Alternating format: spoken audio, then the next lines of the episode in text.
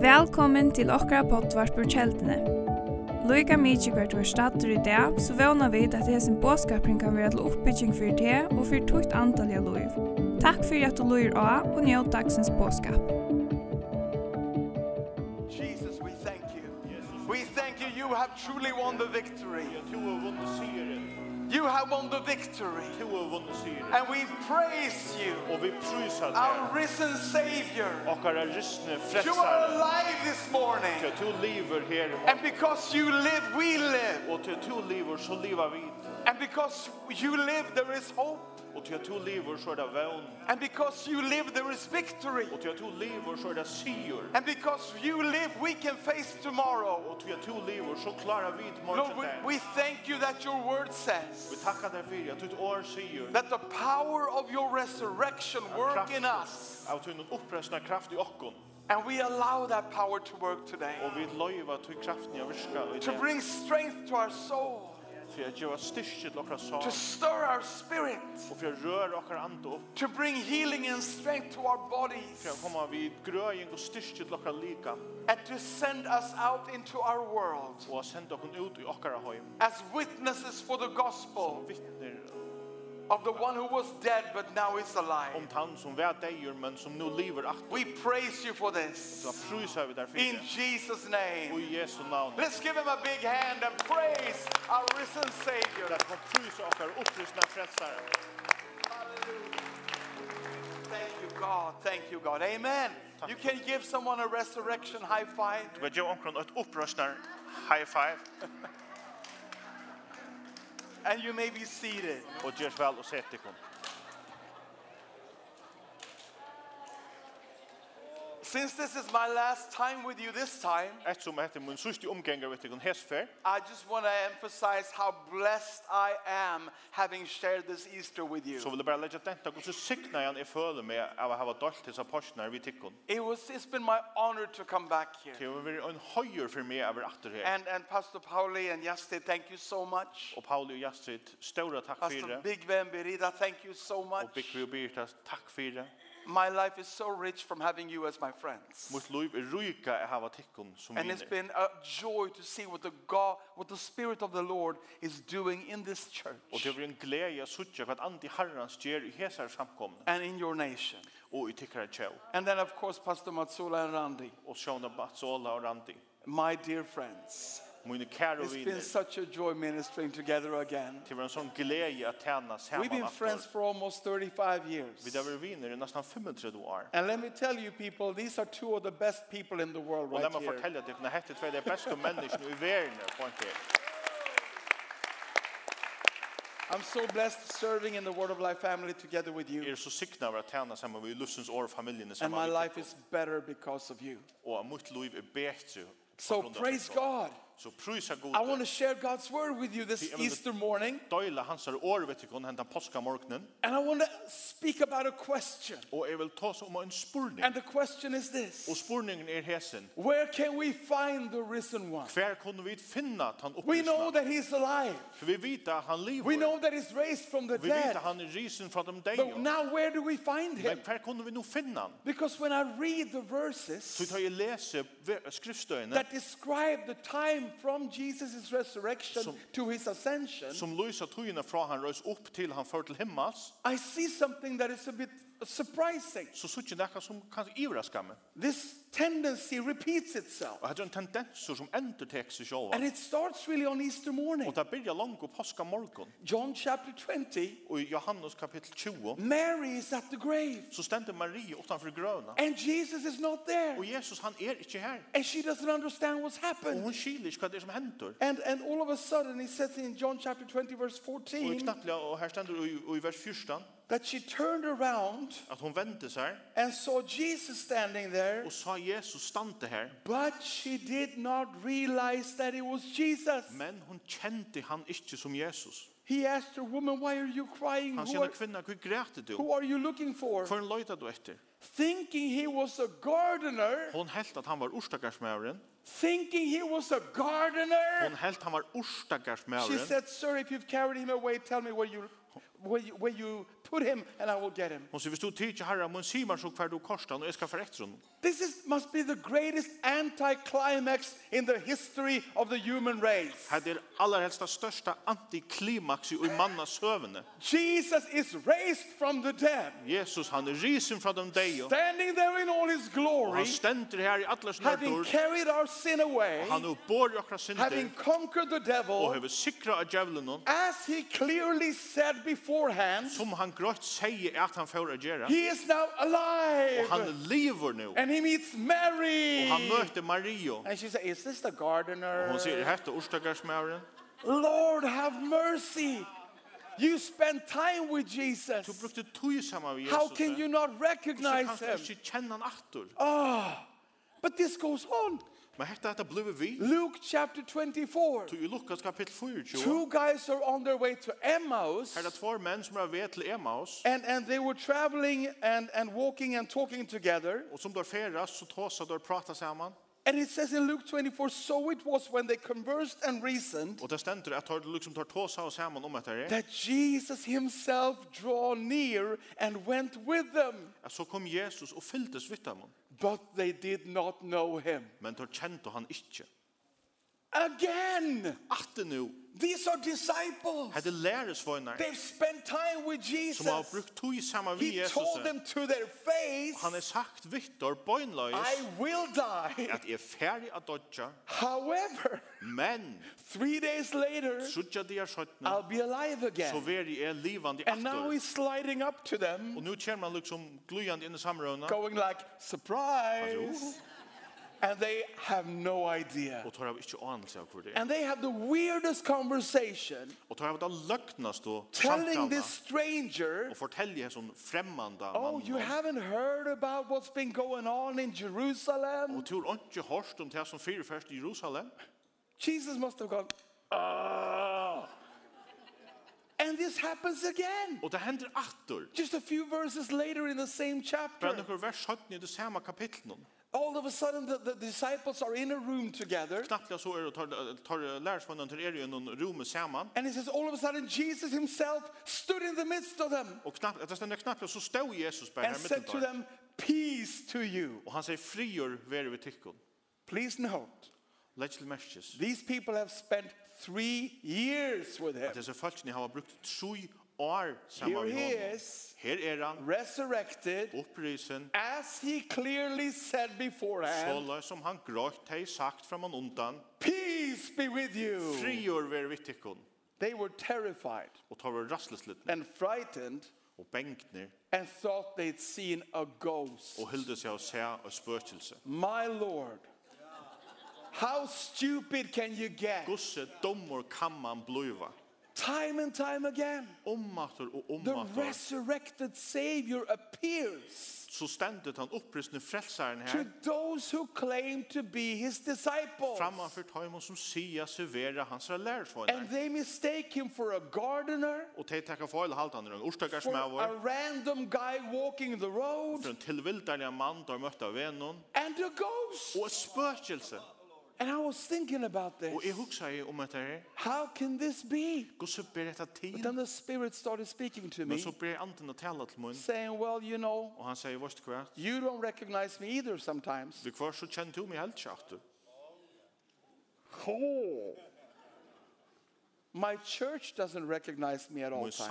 samkomma känner mig inte alltid efter. A lot of times you look at other Christians. Ofta så hittar jag det. Du hickar efter They might have a öron. different sikvande, expression. Som kanske har en annan uttrycksform. And because you do, you don't recognize what I'm doing in their church and in their movement. Og tui, så kjenner du ikke akkurat det som er gjer i torrere samkom og i torrere troarørsla.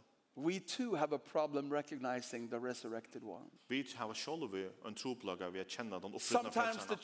church has been guilty of missing entire movements of God. Vi først så hever, hever samkommet gjør så sekan og jeg slett ikke kjenner akkurat søra rørsla av Because the gode. movement came in another way than they had Tui anticipated. henda verkingen den kom av en annan hot enn man er råkna vi.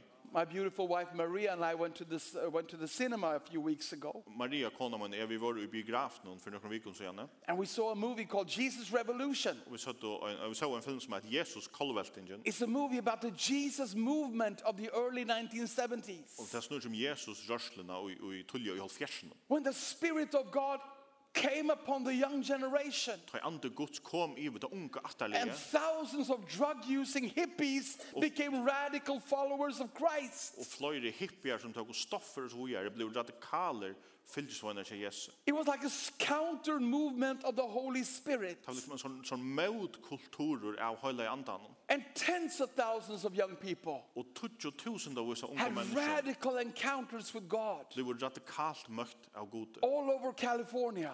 Om alt Kalifornien. But the tragic thing was Men, men det er syrtlige hvis det that er vær. even though all these radical salvations happened, Og selv om alle disse her kraftige omvendingene er hentet, most churches shut their doors så låter det flest og uh, kyrkjene because these young atter. people were playing guitar. Så disse unge menneskene, de spalte og gitter. Oh. They were wearing jeans. Og de gikk i kåpebukser. Oh. They were ha- wearing their hair long. Og de hadde lengt hår. Oh. the- And they were not speaking Christianese. Og de dødde ikke å ta seg krist, Kristuset. Kristianesist. Kristian. Only a few pastors realized what was going on. Bara nekkur er helt fagi pastorer skilt og hva som var Pastor ferdig Chuck henta. Smith Chuck Smith var of ein Calvary Chapel Church. som han var løyer for Calvary Chapel Church Pastor Jack Hayford og Jack Hayford of Church on the Way. som var Church on the Way. And they worked like crazy to disciple all these thousands of new Og det var converts. arbeid som svækjer for at, liksom, at læra alle disse nutjo. But most churches Omvänd. shut their doors, Men flest ut samkomna her løte horan er atter kept praying for revival. og heldur fram via bia om um veking. How stupid can we get? Gosse bukt kunne vi How can we fail to recognize the risen one? Gosse kunne vi ikke kjenne den opprøst And of course, the atter. lesson we need to learn today Og sjåan det, det som vi skulle læra i det av in the hesson Faroe Islands 2023 og i fargen og i 2023 is where can we find the risen one? I hver kunne vi finna at han opprystna? How can we make sure that we don't mistake him for a Og gardener hvordan kunne vi trykje åkna vid, ikke takka foil og halda han vera en or a garstnare? random walker on the street Et eller annet tilfeldig av mann av venom. or a ghost? Et eller spøkelse. Let me tell you this Nei, men sier at det er så i there are stedet. three th- areas Til tru omræger, where we will always find him. her vil alltid finna han. There are three areas Til tru where he says, I økje, will always be there. her han sier, her veri er alltid. And if you go there, Og hvis du fest her, you will find me. så finner du meg. Let's talk about these three areas Det er noen ta som hese tru where we will økjene. always find the resurrected Her one. vil alltid for å finna at han The opprystna. first place he speaks about Ta fyrsta steg som han tåsar om. We will always find him seeking the lost sheep. Vi finner han alltid løytandi etter den borstvilsen We will seinum. always find him seeking the lost Vi sheep. finner han alltid i fer vi har løyta. There's There's a- a... Måste mest å säga. Beautiful parable in Luke chapter 15 Til øyla og vekker luktnelse i Lukas 15. when Jesus speaks about himself as a shepherd Ta Jesus tåsar om seg sjolvan som hyran, seeking a lost sheep. som løytar etter du borstelse Do seg. you mind reading that from verse 4 to 6, please?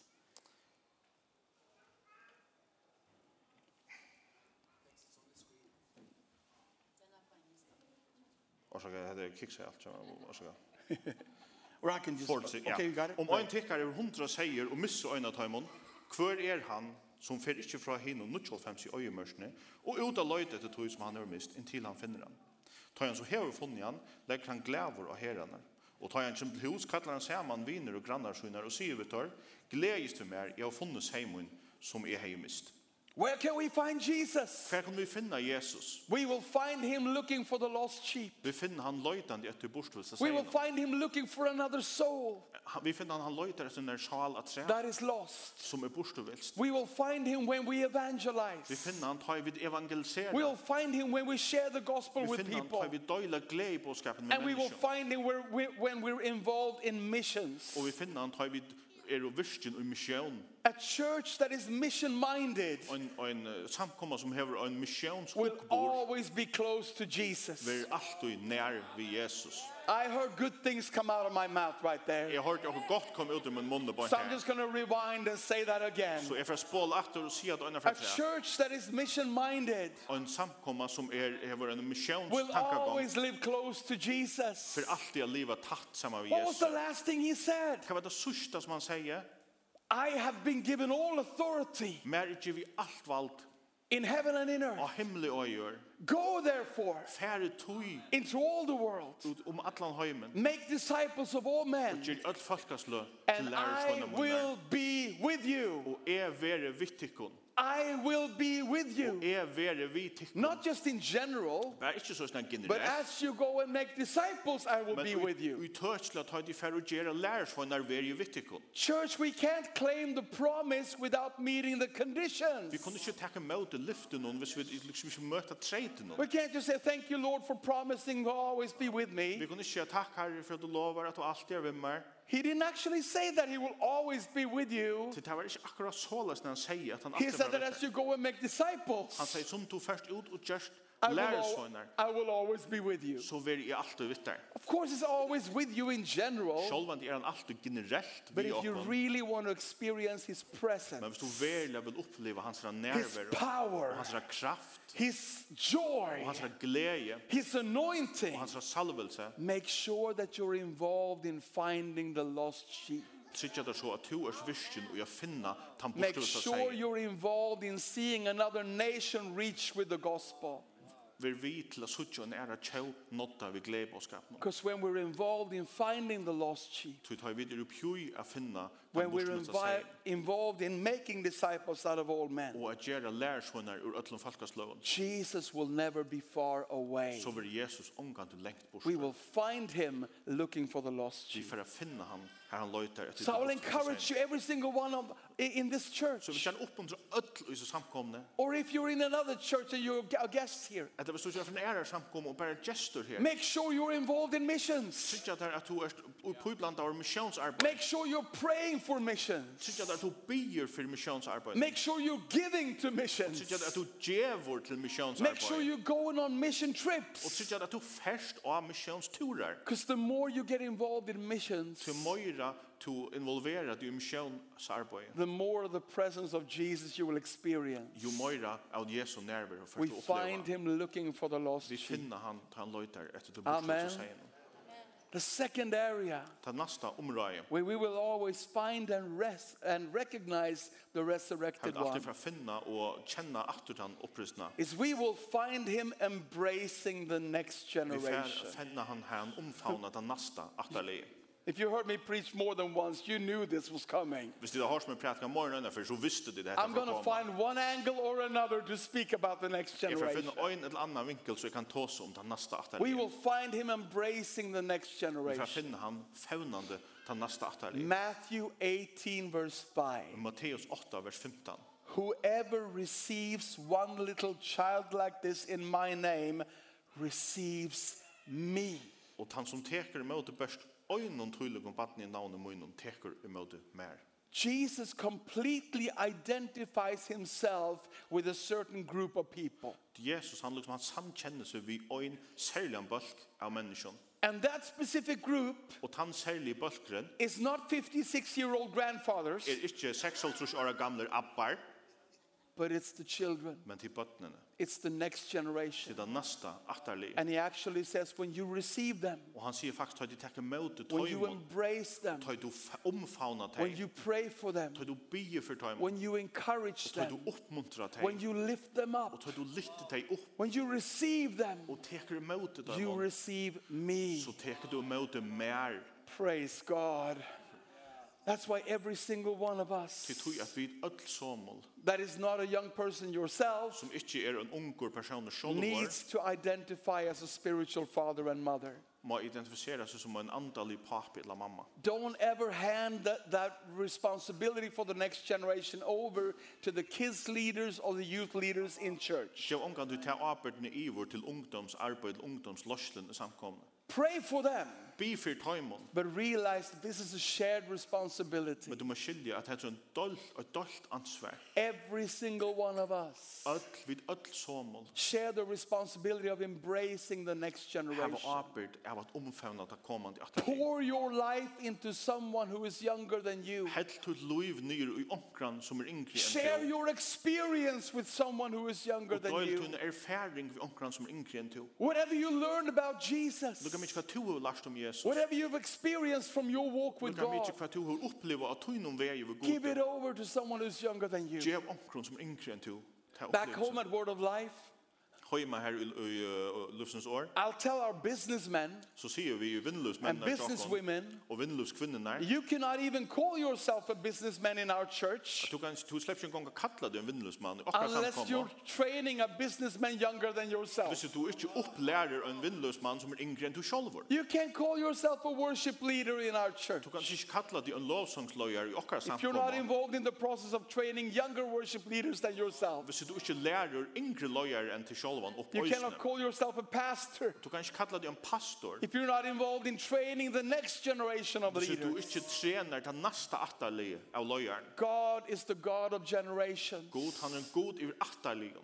He's not just the God of Abraham. Han er ikke bare god for Abraham. He's the God of Abrahams, Abraham and Isaac Men and til Jacob. Abraham og Isak og Jakob. He's the God of multiple generations. Han er god i fløyre atterlig. And if his, he's a God of Og generations, hvis han er en god i atterlig, then his church should be a church of generations. så skal samkomman øyne være en samkomma And fyrir as the aftarlig. generations move Og som, forward og som aftarnar genga fram, through history, jökten sövna, the nature of the kingdom of God så blir liksom den naturen av Guds rydje to go from glory to glory to glory. til å færa fra dörd til dörd til dörd. But that will not happen automatically. Men det hender ikke av seg sjolvun. That will happen when every single one of us Det hender til vi öll somol, open up our let hearts okra gjørster upp to see fyrir a and suttja og embrace at omfavna and receive og at takke and møte og pray for the next bia generation. fyrir til nasta aftarlinan. Hallelujah. You might say, I'm 75 years Du old. sier kanskje er 45 år, I have nothing to give. og jeg vil ikke djeva. I don't understand young people. Jeg skiljer ikke ung menneske. You don't have to understand them Du behøver ikke skilja deg. at all. Og i hele tiden, They don't need another friend. det var ikke bruk for noen vin. They have friends already, Det var nok av vin under forveien, but they will need a grandmother. men det var bruk for en ommo. They will need a Det grandfather. var bruk for en appa. So please don't pierce your nose Så laverer vi faktisk noen piercing i nøsene, or wear leather pants eller for leverbukser, because that would be pathetic. så det er unkelitt. Just be that grandfather. Vær bare at han appen. Smile to them as you see them in church. Smul til deg til du sørst deg av møte. Stand at the back of the youth meetings Sta- Start her atre i ungdomsmøtene, and pray in the Spirit. og bi i andan. As you see them, encourage them Ta du sørst deg oppmuntra deg, and, and just be part og bare takk pars of lot deg. blessing the next At generation. signa ta kommande atterlig. Hallelujah.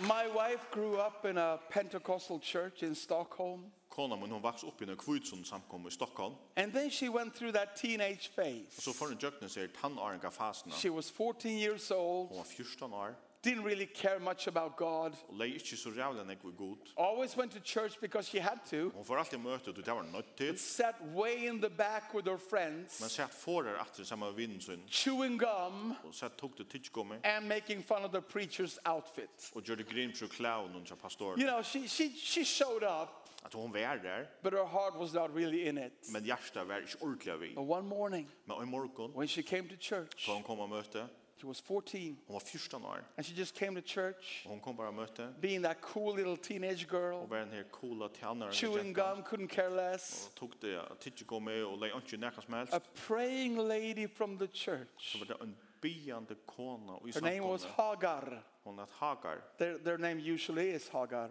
Det er øyde der som regel. Hagar. 80 years old, Hon var furs år gammal. came up to little Maria Hon kom över till Lutlo Mario. and she put her praying hands on her Och hon shoulders. lägger sina bönar händer av henne And she looks into the eyes of the 14 year old girl Och Maria hon hukt in i ögonen och så först hon gamla jentna and she started speaking God's word och börjar tala Guds ord and God's love. och Guds kärlek. She said, Maria, Och säger Maria, Jesus loves you. Jesus älskar dig. The Lord will lead you throughout your life, Och Herren får loja till allt ditt liv. He will strengthen you. Han får styrka dig. And you will be like a water planted by a river. Och du får ett trä som är plantat vid And you årlös. will continuously bear fruit. Och du får avhaltande att ge This avvöxt. old lady did not rebuke Maria for her tight jeans Men den her gamla konan, hon har ikke ært henne til Or hun har because she stramma was chewing kålebukser. gum. Eller til hun tok det tidsgummi. she didn't have a judgmental Hon attitude. har ikke noen dømande She hukkbord. spoke words of love, Hon tar seg she kærlagsår spoke words of faith, og, og troarår. spoke words of encouragement. Og hun oppmuntrar. Little did she know Lute visste hon that was the turning point to Maria's life. at her var vendepunktet i livet hos Maria. It was not in the electricity of a fiery youth meeting, Det var ikke tog at du heier så var det But et it- brennande ungdomsmøte. but it was in the meeting with an 80 year old lady in the church foyer. Men da hun møttes under forsvare gamlare kono ute i forhøttene. Tears were running down her face. Tar henne rundt og nere tjolkene. And she dedicated her heart to Jesus. Og hun gav sitt hjerte til Jesus. And I can't wait, wait to meet Hagar in heaven Og jeg gleder meg til å møte Hagar til å komme and til say, himmels. Thank you Og so sier much. takk for det. When we do that, Så tar vi gjøre til. not only are we involved in raising up the next generation, Så er vi ikke bare vi til at røyse opp det we neste will atterlige. also encounter Jesus in the next Vi får generation. også møte Jesus i ui til neste And you atterlige. will constantly live in the presence of the resurrected one. Og du får avholdende livet i nærværende til de opprystene. Because he said himself, Så han er selv sagt, receive them takk imot tøymon, and you will receive me at the same så time. takk at det er samståndes imot mer.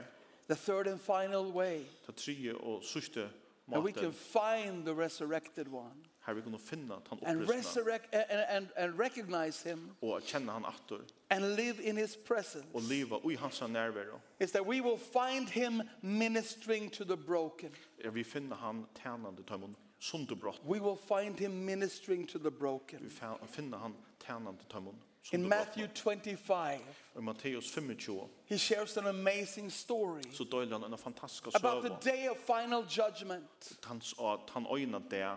where we will all come before the throne of God. Tar vi öll komma framför tron och gods. And it said a a category of people will come Det ständer det var en balkor av fölkje som komma. And, uh, and he says that, come into the glory of, of my kingdom. Och han sa kom in och dörd rujtjemunds.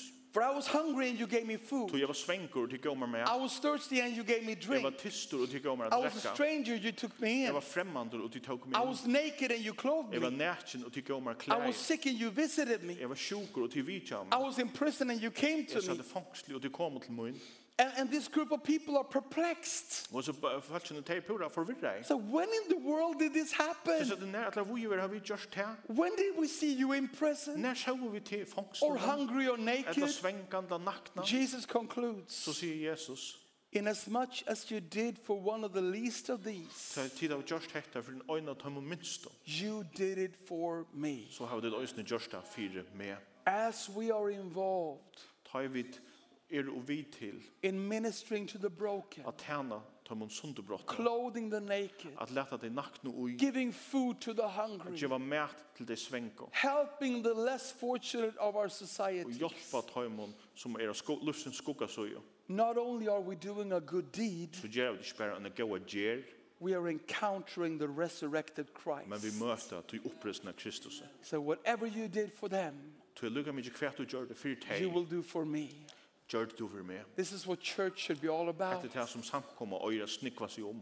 Going to find the lost sheep. Fær ut og fyndar bortvels og seinar. embracing the next generation, Omfavna ta komandi atter. ministering to the needy. Og tæn tøymon tørvande. And when we do these three Og tar vi things, gjer hese tru tingene. every single one of them Öll trui will mean a new encounter with har Christ. gjør okken et nytt møte ved Kristus. And you will not mistake him for a ghost Og du får ikke at takka foil og halda nere or a spøkelse. gardener Eller en gartner. or just a regular dude walking in the street. Eller bare en vanlig person som gonger You will av. encounter him in the lost sheep. Du får møte honom og du bortvilsa seg. You will encounter him in the next Du får generation. møte honom ut i nästa attarlin. And you will encounter him as you meet and minister to the needy. Du får møte honom, tar du møter og tæner, tar man tørvand, tronjand. A few years ago, For noen år siden, this is back in 2015 and 16, dette var 2015 og 2016, we remember what happened in Europe. da vi minnes vi hva hendte jo i Europa. We experienced a humanitarian Vi crisis hørte en humanitære kreppo. in the form of tens of thousands of Så refugees det kom 20.000-tals fløttafolk coming out of the Middle East. som kom ur Miestre. And you remember the pictures. Og til minnes myndene, of so many families in inflatable boats så nekva familier og i sånn gummibak. on the Mediterranean Sea, Ute av Mielhavnen. fathers and mothers and children Papar og mammer og bøten escaping the war and the bloodshed of the som ISIS. rymte undan krutjen og i- undan ISIS. And you know, being a father myself, Og er, ta er en papir I sjolvor, think to myself, what level of desperation så hugsa man sjón gusse desperator would have me put my family in an inflatable boat skulle jeg være for hver familjen kommer og gjør en opplaselig en båt and push it out in a sea, og jeg fer ut til sjøsvinen not having any idea where we were going? utan å ha anelse av hvem vei vi skulle fære. And I remember we saw these news Jeg minns vi så oss i tøyen and we understood what would happen. og vi skilt og hvert for å hente. Because at the time, Sweden had very liberal immigration Så ta laws. hei svør seg i øyla leisar eh, innvandringsløk So av. we understood what would happen in just a few weeks' time. Så vi skilt at um om nekka få av viker These refugees would try to make it to Athens in så Greece. får så falskene til for å komme til Aten og Grikalandet And then they would start to walk north og så får de til Gongo norrett to either, either Germany or Sweden til Tyskland etter til Svørkje that had the most profitable immigration laws from their perspective. som hadde liksom ter launar som for teg lost og så best. And I remember Sweden panicked. Og jeg minns at Svørkje får panikk Everybody would start screaming out, Öll begynte att ropa Oh gälla. no, Åh nej, this cannot detta happen. blir This till. will be a Detta disaster. var en katastrof. Even Christian leaders spoke out Sjalt kristne lojar tåsa av. in fear, Och i ötta. saying the Muslims are coming. Och så att de muslimarna komma. They will overtake Ta us. för ivetak okkon. And I remember I, I took our, the, the pastors aside at Word of Life, Jag minns att det tog pastorerna till okkon till Sujes. and we prayed to God. Och vi bau till We god. said, God, We said, how "God." do we position ourselves? Gosse skulle vi positionera okkon. And I remember God spoke Och to jag us, minns att god han talade till mun. and He asked us, Och han spurte okkon. Do you want to build a church of fear or a church of faith? Inte att det byggerna samkom av ötta. Ett landa samkom av trygg. And we said, Sir, we want to build a church of faith. Och vi sa att herre vi vill byggerna troar samkomma. And I realized faith does not deny the problem, Og jeg skilte til at, at uh, trygg mest ikke til at man fornokter but, trodløgan. but faith sees the possibility inside the problem. Men tryggven ser møvløgan inni ui trodløgan. Faith does not, does not deny the obstacle, Tryggven sier ikke til at det ikke er en hindring. but faith chooses to see the opportunity inside the obstacle. Men tryggven veler å sutja møvløgan inni ui hindringene. Now, of course, we realize that having re- receiving all these Vi refugees skilte sjåman til at det takker møter øtlens fløtta fast would nå. mean importing truckloads of social problems. For um, best til at vi importerer oppe i lastbilar og sosialen Absolutely no trodløgan. denying of that. Og til vil jeg overhøver ikke fornokta. But these people were coming anyway. Men disse faktisk det kom oansett. They were coming Det regardless, kom oansett. which left us as a church with two options Det only. gav okkon som samkom og tvær velmølløgar. Either we distance ourselves Anna først så hild við and avstand complain on Facebook, og brokka okkun á Facebook or ella we step into this ella so situation trakka við inn í hesa støvna and in Jesus' name, og í Jesu navni and we dare to believe og við tora at that sikva somewhere inside this humanitarian at er disaster, omstans inn í hesa humanitæru katastrofene there might be a seed of revival er planted. kanska eitt fræ av veking planta. So we started, we established a Welcome to Europe station in Så Athens. vi stóna eina er velkommen til Europa móttøkustøð og And every Aten. single week, we flew down teams of our young people. Og hverja viku så flóu við nakra okkur ungdom og nýr til And when Aten. the inflatable boats came into Og tøy så Athens, gummibåtarna så komu til they were Aten. standing holding up big signs Så stóð det her við stórun skelton. saying, Welcome to Europe. Har det stod velkommen til Europa. Jesus loves you. Jesus elskar te. And so do Og we. te gjør vi øysene. And we coordinated all the Word of Life Og vi churches samskipa av atlar lussens år on samkomnar. the route from Athens, Greece to Uppsala, Sweden. Av rutene fra Aten til Uppsala. So that the refugees could walk from one Word of Life church to another. Så jeg flytta først kunne genga fra øynar lussens år samkomnar til Danasto. And everywhere we gave them food, Og atlastan så fink det med. we gave them Og vi clothes, gav dem klæger. we gave them medical Vi care. gav dem en halsurøkt. But most of all, Men først og fremst we told them så fortalte vi dem God so loved the world that he gave his only begotten son. at Gud så elskar i heimen at han gav sin øynborna son.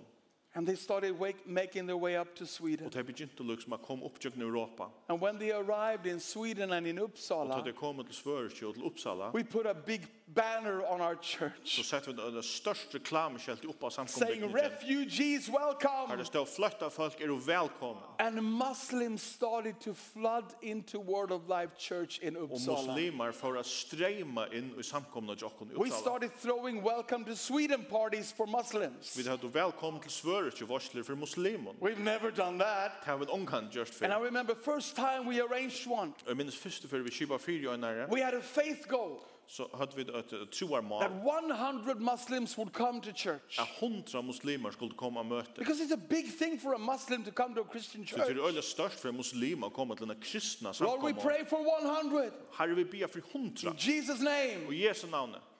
Uh, unfortunately, we didn't get 100. Tyvärr så fick vi det inte hundra. We had 471. Vi hade 471. 471 Muslims. 471 muslimer. And we gave them food. Och vi gav dem mat. And we played their kind of music. Och vi spalde torrare slä av tonlöje. And we shared with them Och vi dolde upp där. that our Lord Att Jesus, åkare herre he was Jesus. a refugee too. Han var flötta folk och He had to flee Israel Han måtte flytta ur during Israel. the persecution of Herod Så han blev förfylld av Herodes. and spent his youth, early childhood in Egypt. Och levde sina barn och ungdomsår i He, Egyptaland. he knows what you're going through. Han vet hva He til for understands you. Han skiler He til. identifies with you. Han klarar samkjenna He vi loves til. you. Og han elskar til. And the Muslims couldn't believe it. Og muslimene tar tro, kom And til they asked us, why are you doing Og så this? spurte hva gjør tid hekta? Why do you love us? Hva elskar tid okkur? Why do you help us? Hva hjelpa tid They okkur? said, if you guys were coming to us, we wouldn't treat you like Det this. er hvis tid kom til okkur, så hadde vi ikke behandla tikkun på enda måten. And time and time again, Og atter og atter, we said, you see, the symbol of our faith så satt vi at symboli og på okkara trygg is not this, er ikke at gjøre såles nær, men it's til this. såles nær. The arms of God Armar Guds reached out to welcome utrattir for å bjóa velkommen. anyone who is broken, Øyne kvann som anyone er who is bråken. hungry, Øyne kvann som er svengur. anyone who is hurt. Øyne kvann som er sartur. And Muslims started giving their lives to Jesus Og mus- like nothing we have seen. Muslimar byrja at djeva sitt liv til Jesus, så som vi omgang det Hundreds seg and hundreds of Muslims. Hundrada og hundrada vísa muslimar. Every Sunday when I was doing the altar call at Word of Life, Kvønn sundag tar jeg bjóa fram. I saw Muslims lifting up their hands Så så er muslimar som litt sina hendur upp. because they've seen Jesus Så det du ser Jesus in the love we showed them. og i tog kærlegan som vidvuste They dem. felt his Det presence følte hans nærvær in the care that we og tog provided. omsorgan som vi gav. And they started coming to Jesus by the Og det hundreds. blir å komme til Jesus i hundrada. I have so many church members called Muhammad now. Jeg har så nekvar samkomlimer som heter um Mohammed nå. I just pray that God, please don't call anyone to become a prophet one day because Jeg sier bare, gav og god, ikke kalla nekran til å bli en profeter enn det. Prophet Muhammad from Word of Life, that would be weird. Mohammed profeter fra Lufsens år, det er en undan. We, we actually had to start a new Bible school Vi måtte faktisk byrja um nudja en for bibelskola former Muslims. for fyrverande muslimer. A former Muslims Bible school. Og um en bibelskola for fyrverande And to muslimer. this day, we have graduated 450 former Muslims. Og 450 fyrverande muslimer hava finnje prekk på til skolan. That is now on fire for Jesus Christ. Som nu er det brennande fyrir Jesus. And at the same time as this happened, Og samstundet som hette hente, we started to experience miracles, så blir det oppleva under, dreams and visions, dreymar og sjónir, outpourings of the Spirit, Uthetlingar av andan. and a brand new level of the supernatural. Og et nytt støye av det unaturlige. And I realized these two things are connected Og det gikk opp for meg at disse tingene det henger sammen. because Jesus said, Til Jesus sier Whatever you did for the least of at these, det som du gjør til for hese minst då, you done it for me. har du gjort for meg. And I realized we did not just receive Muslims, Og ikke- det gikk opp for meg at vi tar ikke bare tid til møte we did not muslimer. only feed Muslims, Vi tar ikke bare uh, gi breifødt we did not muslimer. only minister to Vi tar Muslims. ikke bare tant muslimer. In receiving them, we receive the Så risen tar vi tog Christ, imot i hånden, tog vi det møte til opprystna Kristus. and his presence grew even stronger. Og hans her nærvær vaks opp av det sterkare. I'm just going to finish with one story from this context. Jeg får enda vi når søv og gjøres ned sammenhengen. Can I tell you one final story? Kan du fortelle um deg om øyne sørst søv? Please say yes, Skal vi si ja? because I'm going to do it anyways. You Jeg får might gjøre as det well øyne say yes. sørst. Øyne sørst om de sier um ja. One of all these families Øyne av øtlens familien that arrived in Sweden, som kom til Sveriges. I heard their story, Jeg hørte søvnene til dem. and they came from Afghanistan. De kom ur Afghanistan.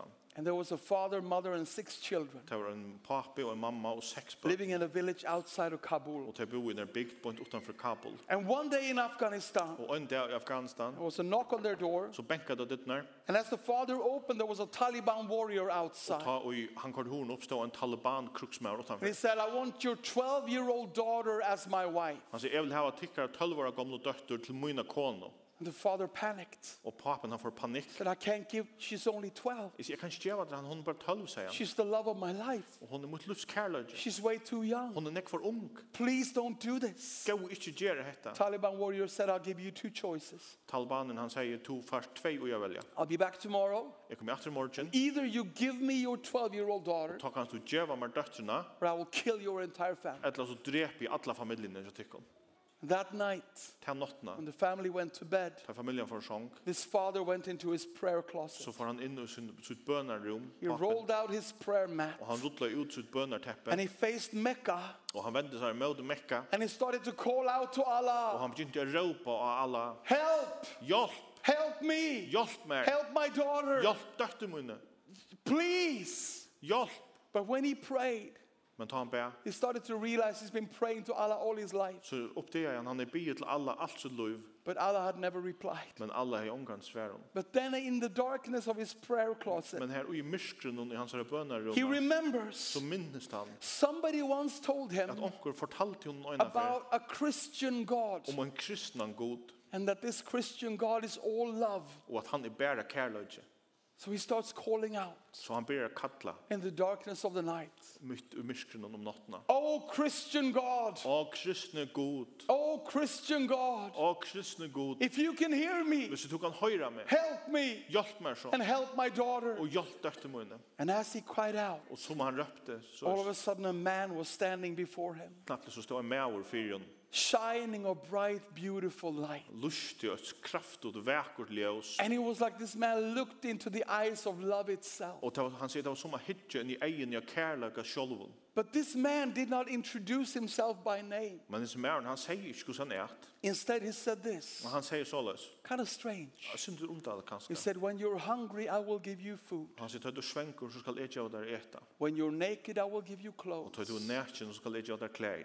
When you're hopeless, I will give you hope. Og tøy du er vøgnleis, så skal jeg gjøre deg vøgn. And when you're in the darkness, I will give you light. Og tøy du er i myskren, så skal jeg gjøre deg ljøs. Then he asked the man to wake up his family and flee to the south. Så sier han, vek familjen ikke, og flytt og sår etter. And he said, I will be with you. Og jeg skal være vitt der. So the man woke the family up. Så mer han vakte familjene, They left the house, tøy for ur husen, fled with only two og suitcases. flytt av by bare tvøymon Long koffertan. story short, they ended up in one of the inflatable Og boats stutta du lenge til at jeg enda, enda i øynene som on gummibaten, the Mediterranean Sea. ute av Mielhavn. And when they approached Athens, Og tøy de kom til Aten, The first thing they see on the shore det første som de suttja inn i strontene, is a team of young people from Word of Life. er det tøyme av unge mennesker fra livets år. And these young people hold up four signs Og de halda fyra kjelter, saying, If you're hungry, we have food. Her stendur, hvis tid er sveng, så har vi mæt. If you're naked, we have clothes. Hvis tid er nætjen, så har vi klær. If you're hopeless, we have hope. Hvis tid er vøgnleis, så har vi vøgn.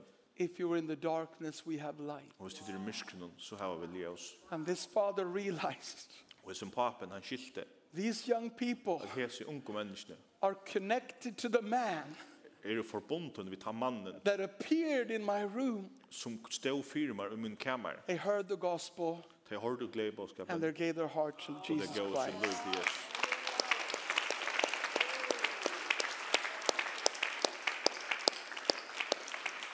And when I heard this story, Og da jeg hørte Jesus søvna, I was blown away. så det blåste meg totalt om kall. But at the same time, I had the fear of God Men samtidig så, så fikk jeg en god søkta. because I thought to myself, Så jeg hukser meg selv. what if we hadn't gone there? Hva er noe hvis vi ikke var færen? What if we hadn't been on that beach? Hva er noe hvis vi ikke var i til strandene? What if we would have taken the approach of, no, this is going to cost too much Hva money? er noe hvis vi hadde sagt, ah, det heter for å koste for noen penger. No, someone else can do that. Onker annar kan takka seg av oss ned. Jesus counted on us so much Jesus, han hei så størst anlit av okkon, that he introduced himself at han presenterer seg sjolvan by the, sh- by the signs that he hoped we would hold up vi tar imot skjelten som han vågna jeg vid for halvt oppe a few weeks later. nekra viker skjøttene. He still does. Og det gjør han enn. He counts on this church Han er anlit det hesar samkomne. to meet the needs of the broken ones At in hon the skal Faroe møta Islands. tarven tja dem om brottno i He fyrre. counts on you Han er anlit det her to hold up a sign at halda skjelti opp. saying, If you're hungry, I have Her food. det stendur hvis du svenker så har vi med. If you're in the darkness, I have light. Hvis du er til myskren så har vi ljøs. If you're hopeless, I have hope. Hvis du er vågnleser så har vi If vågn. you're spiritually naked, I have Hvis clothes. du er andalig nærkjen så har vi klæger. And when we do Og tar this, vi gjerra det, when we minister to our world, tar vi tæna okkara we will høyme, constantly encounter Christ. så fer vi avhaldande av And møta we will Kristus. find the risen one. Og vi fer finna tan opprystna. All people said, Og alt fælt til seie, Let's stand in the presence let of the hon Lord. standa i nærvaro herrans.